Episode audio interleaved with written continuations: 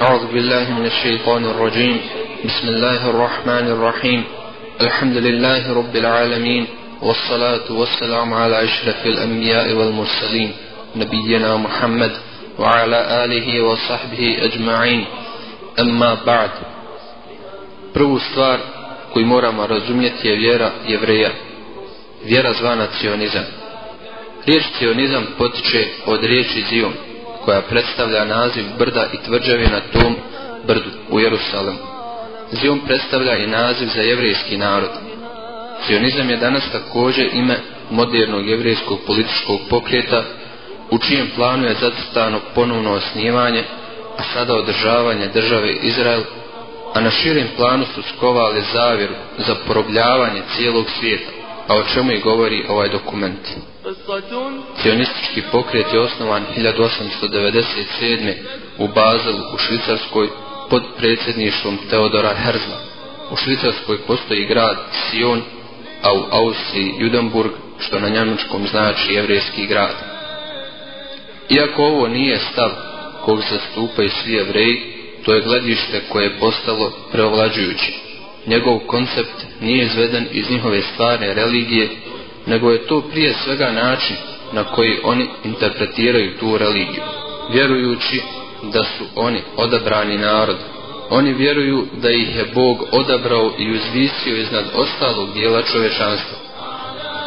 Oni vjeruju da je razlog zbog kog su odabrani taj da bi im bila data obećana zemlja. Jer je Bog govorio sa Ibrahimom, ali i obećavajući njegovim potomcima tu zemlju koja se nalazi između Tigra i Eufrata. Jedan značajan simbol jevrijskog identiteta je Sulejmanova džamija, koja je bila dva puta razorena. O tome Allah Đelešanu govori u suri Al-Isra od 4. do 7. ajeta.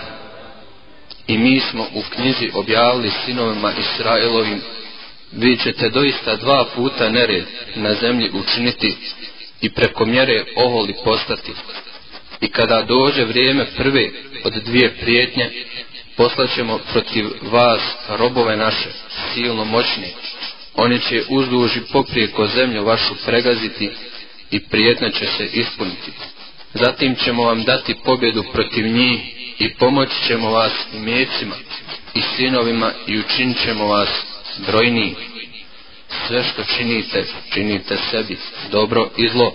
A kad dođe vrijeme druge prijetnje, poslaćemo ih da na licima vašim tugu i jad ostave i da u hram kao i prvi put ponovo provale i da sve što osvoje do temelja poruše. Jedan značajan indikator uspjeha u ostvarenju njihove sudbine je ponovna izgradnja džamije po Mesinu dolasku. Na posljedku, po njegovu dolasku, on će biti njihov kralj, dok će oni vladati svim narodima svijeta u miru. Njihovo pravo da žive u obećanoj zemlji bilo je uslovljeno njihovim pridržavanjem zapovjedi koje su im naređene. O tome Allah Đelešanuhu govori u suri Al-Baqara u 40 i 102. ajetu.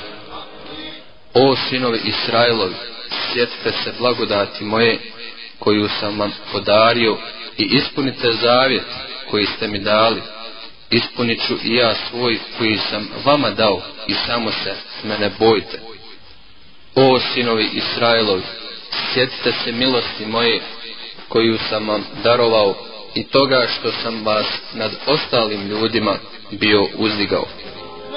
Ali oni su iznevjerili zavet koji su dali Bogu i stoga su protjerani iz zemlje i ljudi to kaženi. Oni su se konstantno dizali odbijajući da se povinuju Božijem zakon, pa uprkos tome oni su željeli njegove ovozemaljske blagodati. Tako su oni odlučili da vjeruju da su oni zaslužili takve blagodati bez obzira na njihovo ponašanje, želeći status odabranog naroda, ali ne i teret njegove odgovornosti.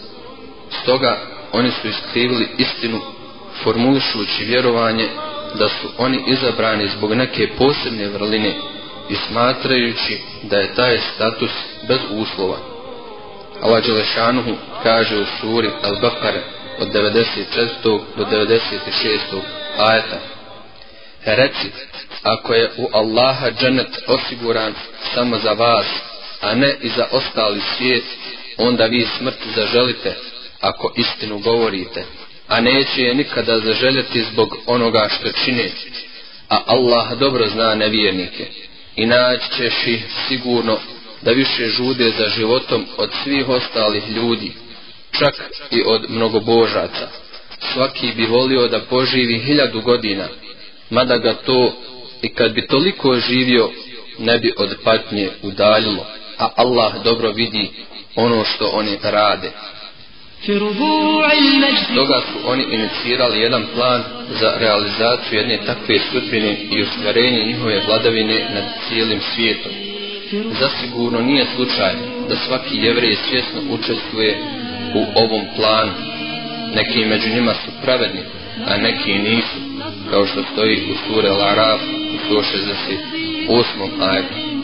Ako bilo ko progovori, čak i u najbezazaznijoj formi, da je možda neki od jevreja počinio bilo što loše, obični jevrejski puk će se okomiti na njega, optužujući ga za antisemitizam. To bi mogao biti samo jedan znak njihove korumpiranosti, da oni ne očekuju od Boga da im preda svijet.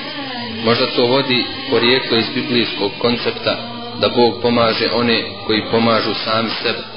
U svakom slučaju oni aktivno rade na realizaciji njihove tobožnje sudbine. Kao rezultat namjernog izvrtanja ideje o odabranom narodu, oni su zanemarili prava ostalih naroda. Talmud, drevna knjiga jevrejskog zakonodavstva, opisuje jedan takav stav. Jevrej je bolji od nejevreja. Nejevrej je smatran običnom životinjom koja na ovoj zemlji postoji jedino da bi služila ciljevima jevreja. Na primjer, jevrijema je dozvoljeno da izvrše oduzimanje imovine od nejevreja, kao i da im naplaćuju kamate za dugove, a što im je zabranjeno da čine međusobno. Iako je i samim jevrejima kamata bila zabranjena, oni su gotovo isključivo odgovorni za formiranje bankovnih institucija kroz vijekove, a koje su danas u potpunosti pod njihovom dominacijom. Već u staroj Grškoj nailazimo na navalu Feničana iz primorskih gradova stare Palestine, postajući jednom novom trgovačkom klasom zajmodavaca, a time i rivali aristokratije Atine. Njihova je strategija u biti makevijalistička. Svaka forma izdaje prihvatljiva ako i kad je u službi više cilj, to jest realizacije sudbine jevrijskog naroda. Ciljevi opravdavaju sredstva, njihove zli planovi prema čovječanstvu ostavili su tragove kroz vijekove. Postoji izvjesna kontraverzija po pitanju tačnog vremena začetka ovog plana. Neki kažu da je započeo negdje u doba Suleimana a.s. prije približno 3000 godina. Drugi pak kažu da je iniciran kao odgovor na Isovu misu prije 2000 godina. Plan u biti treba da obmane čovečanstvo kao da se radi o izgradnji jedne svjetske imperije čiju će vlast na posljedku one zgrabiti u svoje ruke onog momenta kada njena uprava bude osigurana, a zatim će na vlast postaviti njihova očekivanog mesiju kao posljednjeg vladara čovječanstva. Do unazad nekoliko stotina godina gdje vrema je bio zabranjen ulaz u gotovo sve zemlje Evrope. Jevreji su u islamskoj Španiji živjeli kao dostojni građani koji su uživali sva ljudska prava kao i ostale 72 nacije. Kada su kršćani porazli i eliminisali muslimane iz Španije, zatirući svaki trag njihov na tom tlu i jevreji su protjerani iz nje 1492. I tada su utočište našli u Osmanlijskoj imperiji gdje ih je primio sultan Bajazid. Tada su jevreji stigli i u Bosnu, a sultan im je specijalno dodijelio Solun na raspolaganje no kako su oni sebi stavili u plan da je njima u emanet dat cijeli svijet i oni ga moraju imati u svom posjedu, tako je za njih status ravnopravnih građana jedne i druge države bio daleko ispod onog što oni stvarno zaslužuju i sa čime bi se mogli zadovoljiti. U toj fazi im je očigledno izgledalo lakšim zalogajem da otpočnu sa realizacijom njihove velike zavjere u kršćanskoj zapadnoj Evropi, rezervišući realizaciju zadatka odvajanja muslimana od islama i rušenja helafeta za jednu kasniju etapu, pošto završe sa kršćanstvom i kršćanima i krenu sa zapada ojačan. Njihov povratak u zapadnu Evropu bio je preko engleski. 1649. Menaseh ben Israel je financirao Olivera Cromwella omogućivši mu da sruši monarhiju Charlesa I. Danas je ona poznata pod nazivom Slavna revolucija. Čim je njihov odabrani vlada Charles II. sjeo na prijesto, oni su brzo reagovali u vezi ukidanja zakona koji im je zabranjivao ulaz u Englesku. Oni su odmah pristupili osnivanju jednog novog sistema vlasti koji je danas poznat pod nazvom parlament. Korist koju jevreji izvlače iz parlamentarnog sistema je ta da se time potpuno oslabljuje proces upravljanja svodeći ga u jedno besplodno brbljanje. Pomoću bankarstva, posredstvom davanja novčanih pozajnica, po čemu su inače čuveni, oni su se infiltrirali u industriju zemlje.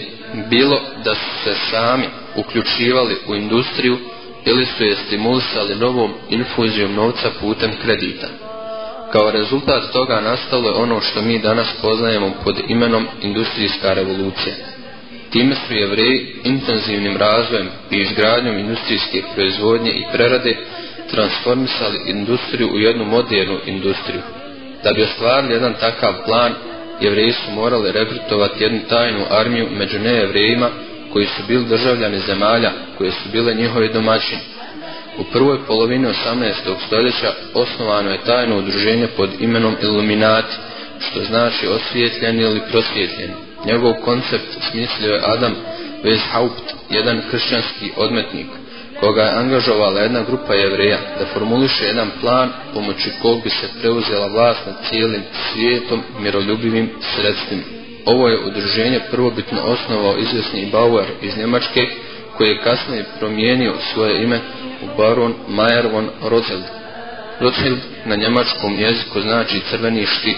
On je inače jedna od vodećih bankarskih kuća u svijetu već nekoliko stoljeća. Ovo udruženje je nazvano Illuminati zato što je predviđeno da ga vodi jedna grupa ljudi koji su osvjetljeni ljudi koji su prakticirali specijalne ezoteričke nauke. Regrutujući mnoge utjecajne ljude, ovo je udruženje uspjelo da prodre u više ešalona evropskog društva. Primasoni ili slobodni zidari su tajno udruženje koje dolazi na scenu da bi preuzelo ulogu društva iluminata u narednim stoljećima.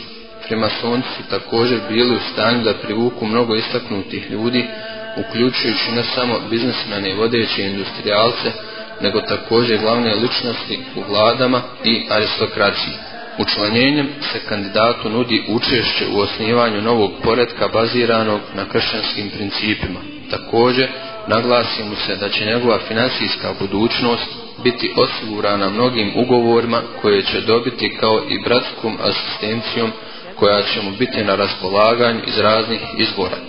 Najvažnije je tajno znanje vještine koje mu je obećano da će mu biti otkriveno za uzvrat od njega se traži da položi zakletvu na apsolutnu vjernost bratstvu i da se povine naredbama 13 učenih mudraca čiji će identitet njemu ostati nepoznat. Čak šta više, on će biti podvrgnut jezovitoj torturi i bit će ubijen ako ikada otkrije tajne ove organizacije. Tema organizacije je naravno zidarstvo, zato što su njihovi napori u nastojanju da uspostave novi poredak simbolički prikazani kao ponovna izgradnja Solomonove džamije, gdje svaki član pomaže u polaganju cigli. Čak šta više, osnova frimasonskog kulta je uvođenje u tajne ezoteričkih znanja, koje su navodno preuzete od samog kralja Solomona. Vještina koju oni naučavaju jeste sihr, to je znanje koje su jevreji uspjeli sačuvati kroz vijekove. Allah Đalešanuhu govori o tome u suri Al-Bakare 102. ajetu. I povode se za onim što su šetani o Sulejmanovoj vladavini kazivali. A Sulejman nije bio nevjernik. Šetani su nevjernici, učeći ljude vrađbini i onome što je bilo nadahnuto dvojici Melika, Harutu i Marutu u Babilonu. A njih dvojica nisu nikoga učili dok mu ne bi rekli, mi samo iskušavamo i ti ne budi nevjernik. I ljudi su od njih dvojice učili kako će muža od žene rastaviti, ali nisu mogli time nikome bez Allahove volje nauditi. Učili su ono što će im nauditi i od čega nikakve koristi neće imati, iako su znali da onaj koji tom vještinom vlada neće nikakve sreće na onom svijetu imati. A doista je jedno ono zašto su se prodali kad bi samo znali. Njihov kult je podijeljen u 33 stepena. Svaki stepen je obilježen svojim vlastitim uvodnim ritualom i naukom koji su naučavani u njemu. Svaki nivo uvodi početnika u više stepene tajnog znanja. Na početnom nivou on biva upoznat sa najosnovnijim pojmovima o tome šta je primasonstvo uopće. Ali na svakom sljedećem nivou njemu je rečeno da ono sa čime je bio upoznat na prethodnom nivou stvarno nije bilo ono što zbilja vještina jeste i da će on sada biti uveden u ispravno razumijevanje bratstva. Svaki put kad prelazi u viši nivo, on je reindoktriniran tako da je njegovo shvatanje svrhe kulta transformirano sa njegovom promocijom u više ešalone početnici bivaju obmanuti te povjeruju da je to jedna kršćanska organizacija i da su njeni ciljevi kršćanski. Prema Albertu Pajku, američkom političaru iz 19. stoljeća i frimasonu 33. stepena, Bog frimasonstva je sam šetan. Istinska priroda kulta biva otkrivena jednom članu samo na višim stepenima, te on postane svjesni obožavalac šetana kamata je i u kršćanstvu zabranjena, tako da su oni koji rukovode ekonomijom zainteresirani da se oslabi utjecaj crkve. Oni koji su zainteresirani za osnivanje jednog bankovnog sistema kojim bi poželili profit od kamate, morali su eliminisati njen utjecaj. Slabeći crkveni utjecaj putem raznih metoda propagande, raspirivanjem apetita za kreditima kod naroda pritisak da se prilagodi jednom svijetu biznisa koji je sve više bivao orijentiran u pravcu kamate i tendencijama ka korupciji u samoj crkvi, oni su uspjeli da izvrše pritisak na crkvu i da je primoraju na popuštanje po pitanju njenog stava protiv kamata. Bilo je neophodno eliminisati crkvu, ne samo zbog toga što je ona kao jedno snažno političko tijelo predstavljala smetnju, nego također i zbog njenog utjecaja na Evropljane. Ako bi se pridržavao svoje religije, ne bi ga bilo moguće transformisati u optimalnog podanika jednog sistema koji je baziran na maksimalnoj produktivnosti. Evropljanin mora u potpunosti biti materialista, stoga je neophodno odstraniti njegov koncept Boga i vječnog svijeta. Šta više, neophodno je bilo izazvati pohlepu u samoj prirodi čovjeka, ali on nikad ne bi dozvolio da ga savlada sebičnost ako bi zadržao koncept odgovornosti. Ne samo da su sama crkvena korupcija i licemjerstvo, kad su jednom bili otkriveni, imali strahovito negativan efekat po samu crkvu, nego su i opričnosti koje se nalaze u Bibliji objelodanje na naučnim istraživanjima omogućile da se kršćanstvo u potpunosti diskredituje. Šta više, teorija evolucije, ako se pogrešno interpretira, ukazuje na jedan sasvim drugačiji koncept realnosti. Vropljeni su tada bili u potrazi za jednim alternativnim sistemom vjerovanja. Jevreji su se odmah našli pri ruci nudeći jedan asortiman novih ili progresivnih ideja da bi se njima ispunili taj vakum. Smatra se da je Gutenberg svojim izumom štampaće mašine oslobodio čovječanstvo od neznanja time što je knjiga učinjena dostupnom i običnom čovjeku. Pa ipak, ostvarivši utjecaj nad novom izdavačkom industrijom, židovi su uspjeli staviti pod kontrolu sam materijal koji će sada biti na raspolaganju običnom čovjeku. Oni su proizvali jedan impresivan opseg materijala namijenjenog uzdrmavanju moći crkve, čiji su autori bili jedna nova plejada pisaca i filozofa, često primasonaca, koje su oni sami uvodili u svijet prominencije. Glavni primjer realizacije ovog plana je Francuska. Jednom kad su ljudi bili oslobođeni crkvenog utjecaja, oni su bili preplavljeni i savladani jednim novim talasom revolucionarnih ideja. U Sjedinjenim američkim državama se može vidjeti kako židovi dominiraju svakim aspektom američke industrije od bankarstva, kog su oni i uveli na zapad, do industrije i medija, kao i ostalih institucija kao što su vlada i obrazovanje. Sa njima se manipulira u cilju pretvaranja Amerike u jednu ogromnu tvornicu oružja ili kako se to popularno kaže, jedan vojno-industrijski kompleks s ciljem da bi se zapad razvio u jednu enormno veliku silu, ne za njegove sadašnje lažne konflikte, nego da bi se na posljedku uspostavila dominacija jedne svjetske imperije. Sredinom 19. vijeka banke su počele odsticati kupovinu svih dionica određenih kompanija od strane izvjesnih kupaca. Umjesto slobodnog natjecanja između izvjesnog broja kompanija na istom tržištu, zaključeno je da je povoljnije da se izvrši njihovo stapanje u jedan jedinstveni monopol ili bar u grupu od samo nekoliko kompanija u određenom domenu aktivnosti sa ciljem da se maksimizira profit. Tako je otpočeo jedan proces integracije gdje su čitavi sektori industrije pali pod dominaciju jednog manjeg broja vrlo velikih kompanija. Ovo kupovanje kompanija je zahtjevalo ogromne zajmove koje su naravno financirale banke. Nametanjem odgovarajućih uslova za finansiranje kredita isključivo i uslovljavanje postavljanja specifičnih osoba ili čak i predstavnika upravnom odboru ovih kompanija, banke su pronašle način kako da ostvare kontrolu nad industrijom. Ovo kupovanje kompanija je zahtjevalo ogromne zajmove koje su naravno financirale banke.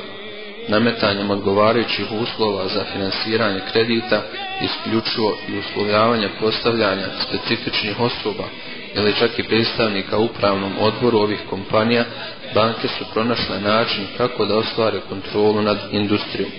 Mnoge banke u Sjedinjenim državama došle su pod upravu nekoliko glavnih banaka. Tako je došlo do pojave ogromnih finansijskih grupa koje su se sastojale od velikih korporacija i njihovih financijskih institucija, a na čelu svake stajala je jedna ili više glavnih banaka koje su bile locirane širom glavnih industrijskih oblasti. Ovaj proces integracije nastavljen je tokom ovog vijeka sve do današnjih dana.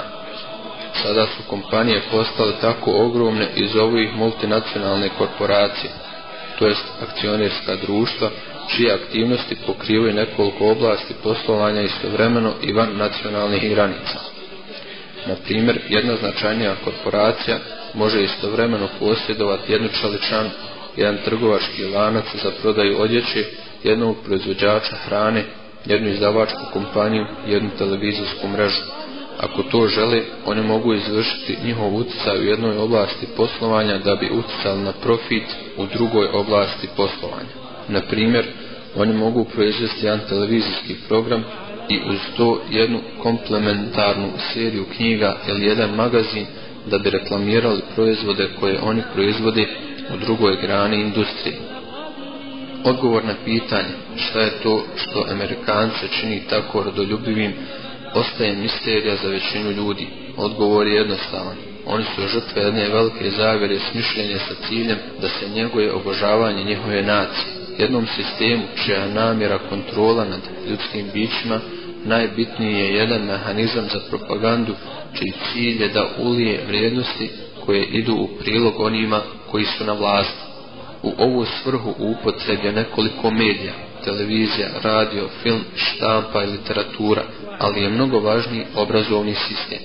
Glavne financijske grupe Sjedinjenih država preuzele su kontrolu nad univerzitetima već na početku ovog stoljeća. Univerziteti su potpuno zavisni od fondova koje im daju upravna vijeća koje sačinjavaju individualce koji su akcioneri u financijskim grupama.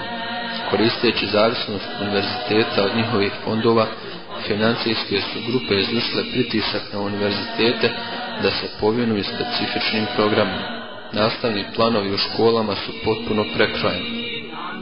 Oni su bili prisiljeni da se odreknu mnogih njihovih ranijih obrazovnih metoda u korist onih oblasti studija koje su bile od direktne koristi za korporacije. sa jednom tako velikom infuzijom milostinje od univerziteta je traženo da izgrade objekte koji će omogućiti ono vrstu istraživanja na koje su insistirali industrijski lider. Univerziteti su bili podijeljeni na dvije oblasti studija, prirodne i društvene nauke. Osnova studija prirodnih nauka bila je da služe glavnim korporacijama obezbeđujućim neophodne istraživanje. Inovacije i pronalasti stimulisani kroz naučna istraživanja. Studij društvenih nauka treba da posluži dvostrukoj svrsi. Oblasti studiranja uključuju ekonomiju, sociologiju, psihologiju, političke nauke i istoriju. Njegova prva svrha je indokrinacija, usađivanje vrijednosti pogodnih za postizanje efikasnosti i ovjekovječenje sistema. Drugi aspekt društvenih nauka je proučavanje ljudskih bića i njihove reakcija na razne podsticaje.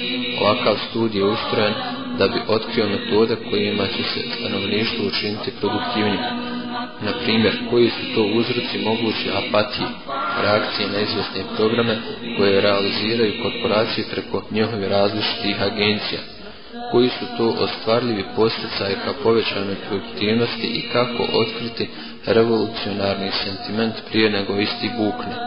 Sve je koordinirano da bi se izgradio jedan sistem koji će sam sebe ovjekovječiti koji je ustrojen za visoke nivoje produktivnosti kako bi se došlo do moći i bogatstva.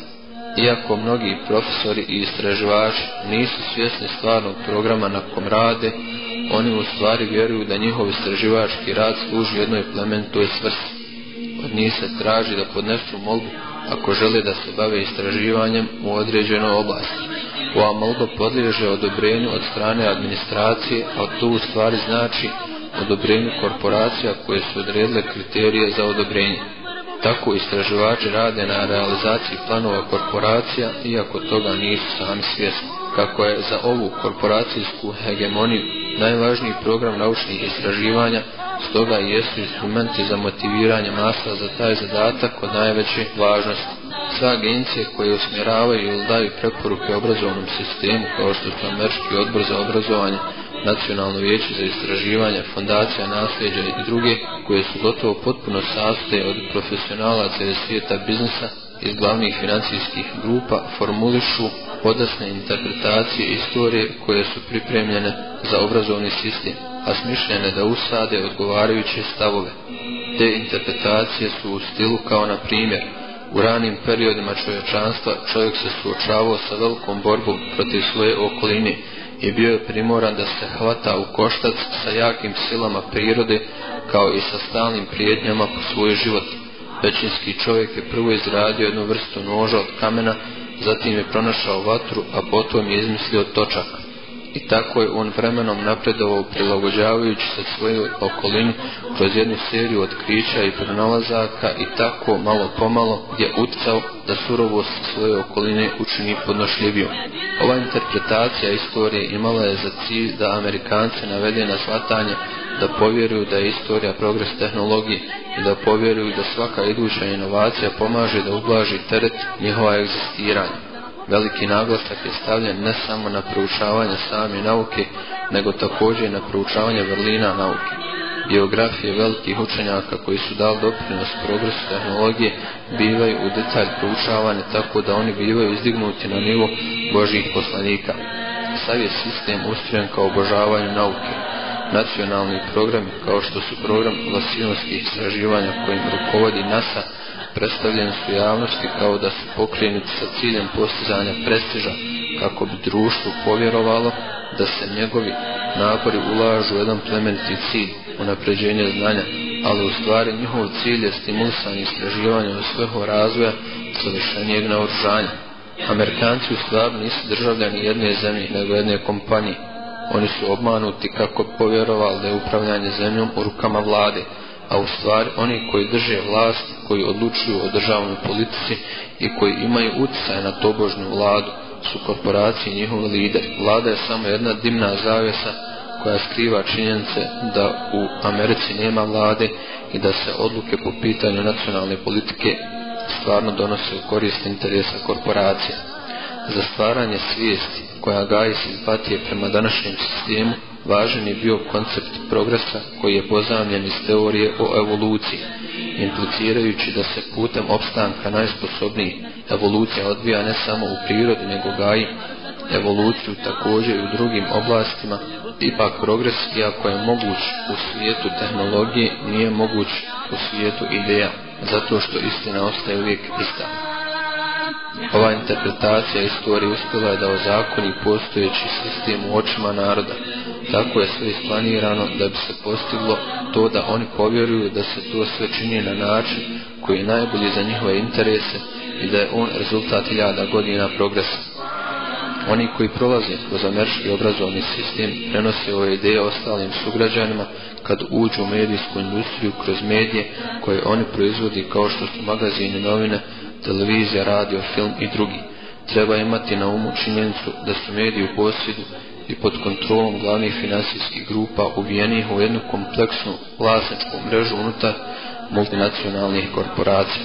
Kao što je Cezar rekao da im hljeba i igara čim mase utole glad, to je napune stomak, jedino što nakon toga traže zabava, ako je cilj da je se drži u pasivnosti.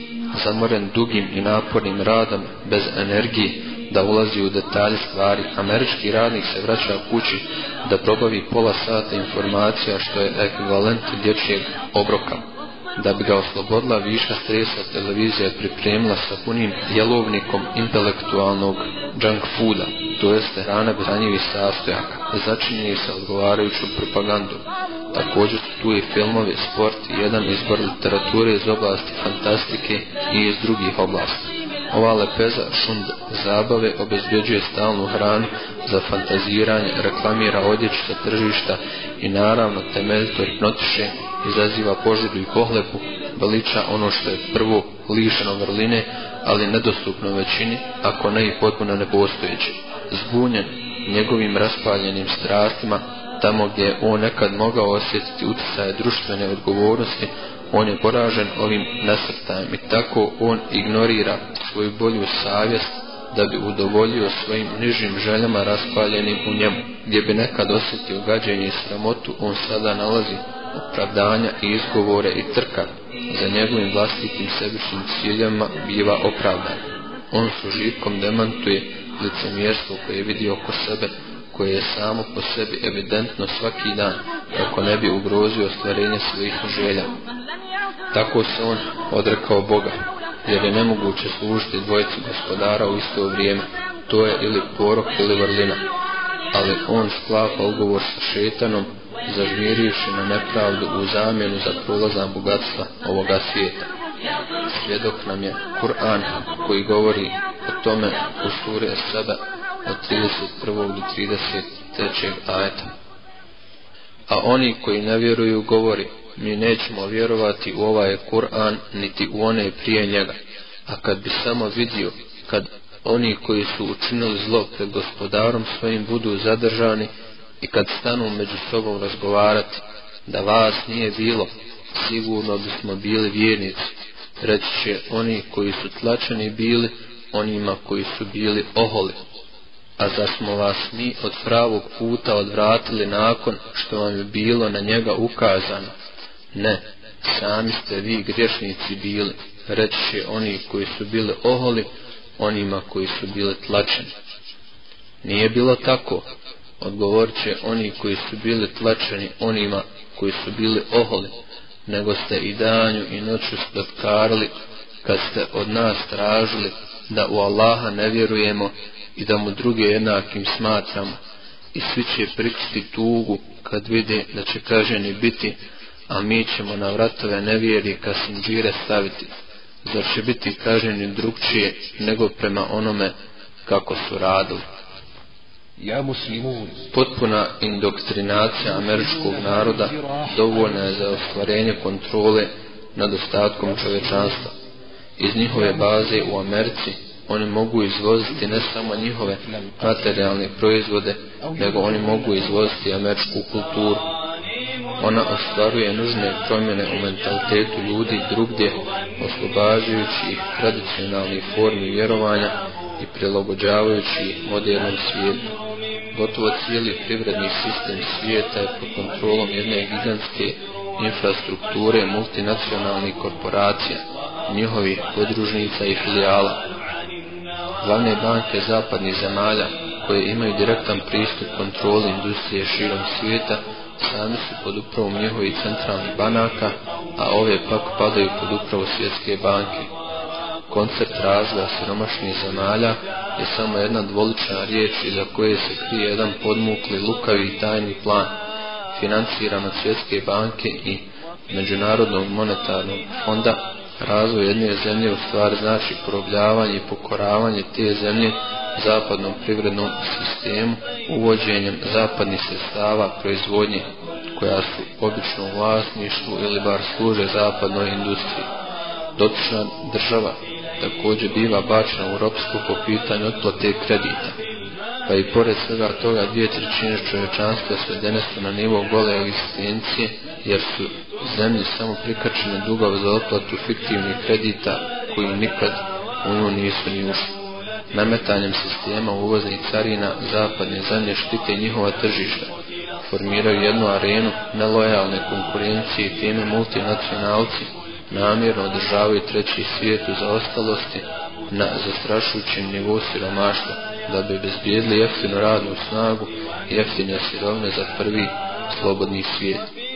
U nezapadnom svijetu postoji jedno veliko članstvo u frimasonstvu, tako da su svi aspekti društva u trećem svijetu protkani agentima frimasonaca. Potpomognuti ulogom koju igraju ovi agenti uz druge metode pristale zapad pod svojom vlašću drže vlade gotovo svih zemalja svijeta. Kao indicija, jedan znak sigurnog zapadnog utjecaja je postojanje vlade zapadnog stila u određenoj zemlji da bi ugušili potencijalne revolucionarne pokrete od strane nesrećenog stanovništva koja želi da se iščupaju svoje nevolje, instalirani su ili podpomognuti od strane zapadnih kapitalista svirepi i brutalni umjetaški režim. Stoga su vlade zemalja trećeg svijeta samo produžene ruke zapadne hegemonije. Napredovanje unutar njihovih institucija uslovljeno je usvajanjem zapadnih vrijednosti oni koji su obrazovani na zapadu ne samo da su adekvatna zamjena u vladinom aparatu, nego ih se može unajmiti i da rukovode stranim firmama za niže plate. Allah Želešanu govori u sura Al-Anfal u 73. ajtu. Nevjernici jedni druge nasljeđuju, ne postupite li tako, nastaće smutnja na zemlji i nered veliki. Allah Želešanu govori u suri Saf u 8. ajtu pa kaže Oni žele da utrnu Allahovo svjetlo ustima svojim, a Allah će učiniti da svjetla njegova uvijek bude, makar krivo bilo, nevjernicima. Krajni cilj je formiranje jedne jedinstvene svjetske vlade koja bi upravljala cijelim svijetom. Ovo treba da se realizira prevarom širokih masa čovečanstva koje treba da povjeruju u njeno stvarno formiranje, a u isto vrijeme da ne posumnjaju da se radi o zavjeru pošto su prvo obmanuli sebe, oni postanu laka žrtva stalnom dotoku laži i tako bivaju pretvoreni u glupe pokretače velike obmane, osnivanje novog svjetskog poredka, absorbovani u trci za njihovim željama kojima robuju. Oni kupuju i oni prodaju, oni uživaju. Poredak je reklamiran kao krajnje rješenje za jednu dugu listu propalih pokušaja od strane čovečanstva da uspostavi pravednu vlast. Kad dođe odgovarajući moment, njegovi istinski pobornici će istupiti naprijed da proglase preuzimanje vlasti u njihove ruke. On će predstaviti njihovog lidera, najvećeg diktatora čovečanstva, kralja židova, Mesiju. On će postaviti židove kao vladare čovečanstva. Na posljedku, on će upotrijebiti njihovu moć da eliminišu sve ideologije osim njihove vlastite. Svaki poslanik je upozorio na dolazak Dejjala. Sigurno je da će to biti jedna velika patnja, jer će i elita biti obmanuta. Mi se utječemo našem stvoritelju od iskušenja jednog takvog događaja. Na poleđini novčance od jednog američkog dolara nalaze se dva masonska simbola. Jedan je piramida, njen vrh sa jednim lijevim okom njoj izdignut iznad nje označava svjetlost, to je ostatak od iluminata. Drugi je simbol jednog orla koji posjeća na Rothschildov simbol Orao steže jednu gran sa 13 listova u svojoj desnoj kanči, 13 strelica u svojoj lijevoj kanči. Ispred njega se nalazi jedan štit sa američkim trakama, 13 traka. Jedna šestokraka Davidova zvijezda, simbol sionizma, koja se sastoje 13 malih zvijezdica i osvijetljena iznad orlove glave. U piramidi se nalazi 13 redova cigli. Iznad nje stoji tekst koji se sastoji od 13 slova, a to je anuit toeptis, što znači naša zavjera na latinskom jeziku. Simbol sadrži detalje od 13 jedinica, što predstavlja 13 nepoznatih starješina, učenih mudraca, koji diriguju frimasoncima. Ispod piramide je napisano Novus Ordo Sed što na latinskom znači novi socijalni poredak, novi svjetski poredak kojeg oni nastoju uspostaviti. Piramida je sačinjena od cili, što predstavlja masonstvo. Piramida predstavlja piramidsku strukturu svjetske imperije. Jedan sistem vlasti obično je podijeljen na nekoliko nivoa uprave, počinjući sa jednom jedinom ličnošću koja diriguje i vertikalno na dole do najnižih nivoa uprave, do onih koji su subjekti kojima se vlada. Na nižem nivou broj pojedinaca je veći nego na nivou iznad njega. Na primjer, u armiji najniži nivoj su najveći po broju. Na dnu je beskrajan niz kompanija, podružnica i trgovačkih naziva. Ove su vlasništvo jednog manjeg broja većih korporacija, koje su vlasništvo multinacionalnih korporacija. Multinacionalci su konačno u vlasništvu i pod kontrolom banaka. Banke su pod kontrolom centralnih banaka, a ove su pod kontrolom svjetske banke. Stoga je privredni sistem uobličen u formi piramide, koja također asocira i na egipatske piramide i život koji su živjeli prije jevreji, asocira i na izlazak jevreja iz Egipta pod vodstvom Mojsije, što pak za njih ima i duboko psihološku značenje. Vrh piramide i oko na dolarskoj novčanci predstavljaju jedan jedinstveni autoritet koji treba da nadgleda cijeli sistem. To je jedno oko koje predstavlja očekivanog mesiju, a znamo da je Dajjal jedno oko koji će, kako se očekuje, biti postavljen kao vrhovni diktator novog svjetskog poredka. Allah Đelešanu govori u suri Al-Isra od 62. do 64. ajeta. Reci mi, reče onda, evo ovoga koga si iznad mene uzdigao, ako me ostaviš do smaka svijeta, sigurno ću osim malobrojnih nad potomstvom njegovim zagospodariti. Odlazi, reče on, onima koji se za tobom budu poveli i tebi, kazna džehennemska, bit će vam puna kazna. I zavodi glasom svojim koga možeš i potjeraj na njih svoju konjicu i svoju pješadiju i budi im ortak u imecima i u djeci i daj im obećanja, a šeitan ih samo obmanjuje. I na kraju slava i hvala neka je Allahu Đelešanuhu, nema Boga drugog osim njega, mi tražimo oprost od njega i kajemo mu se. سبحانك اللهم وبحمدك أشهد أن لا إله إلا أنت أستغفرك وأتوب إليك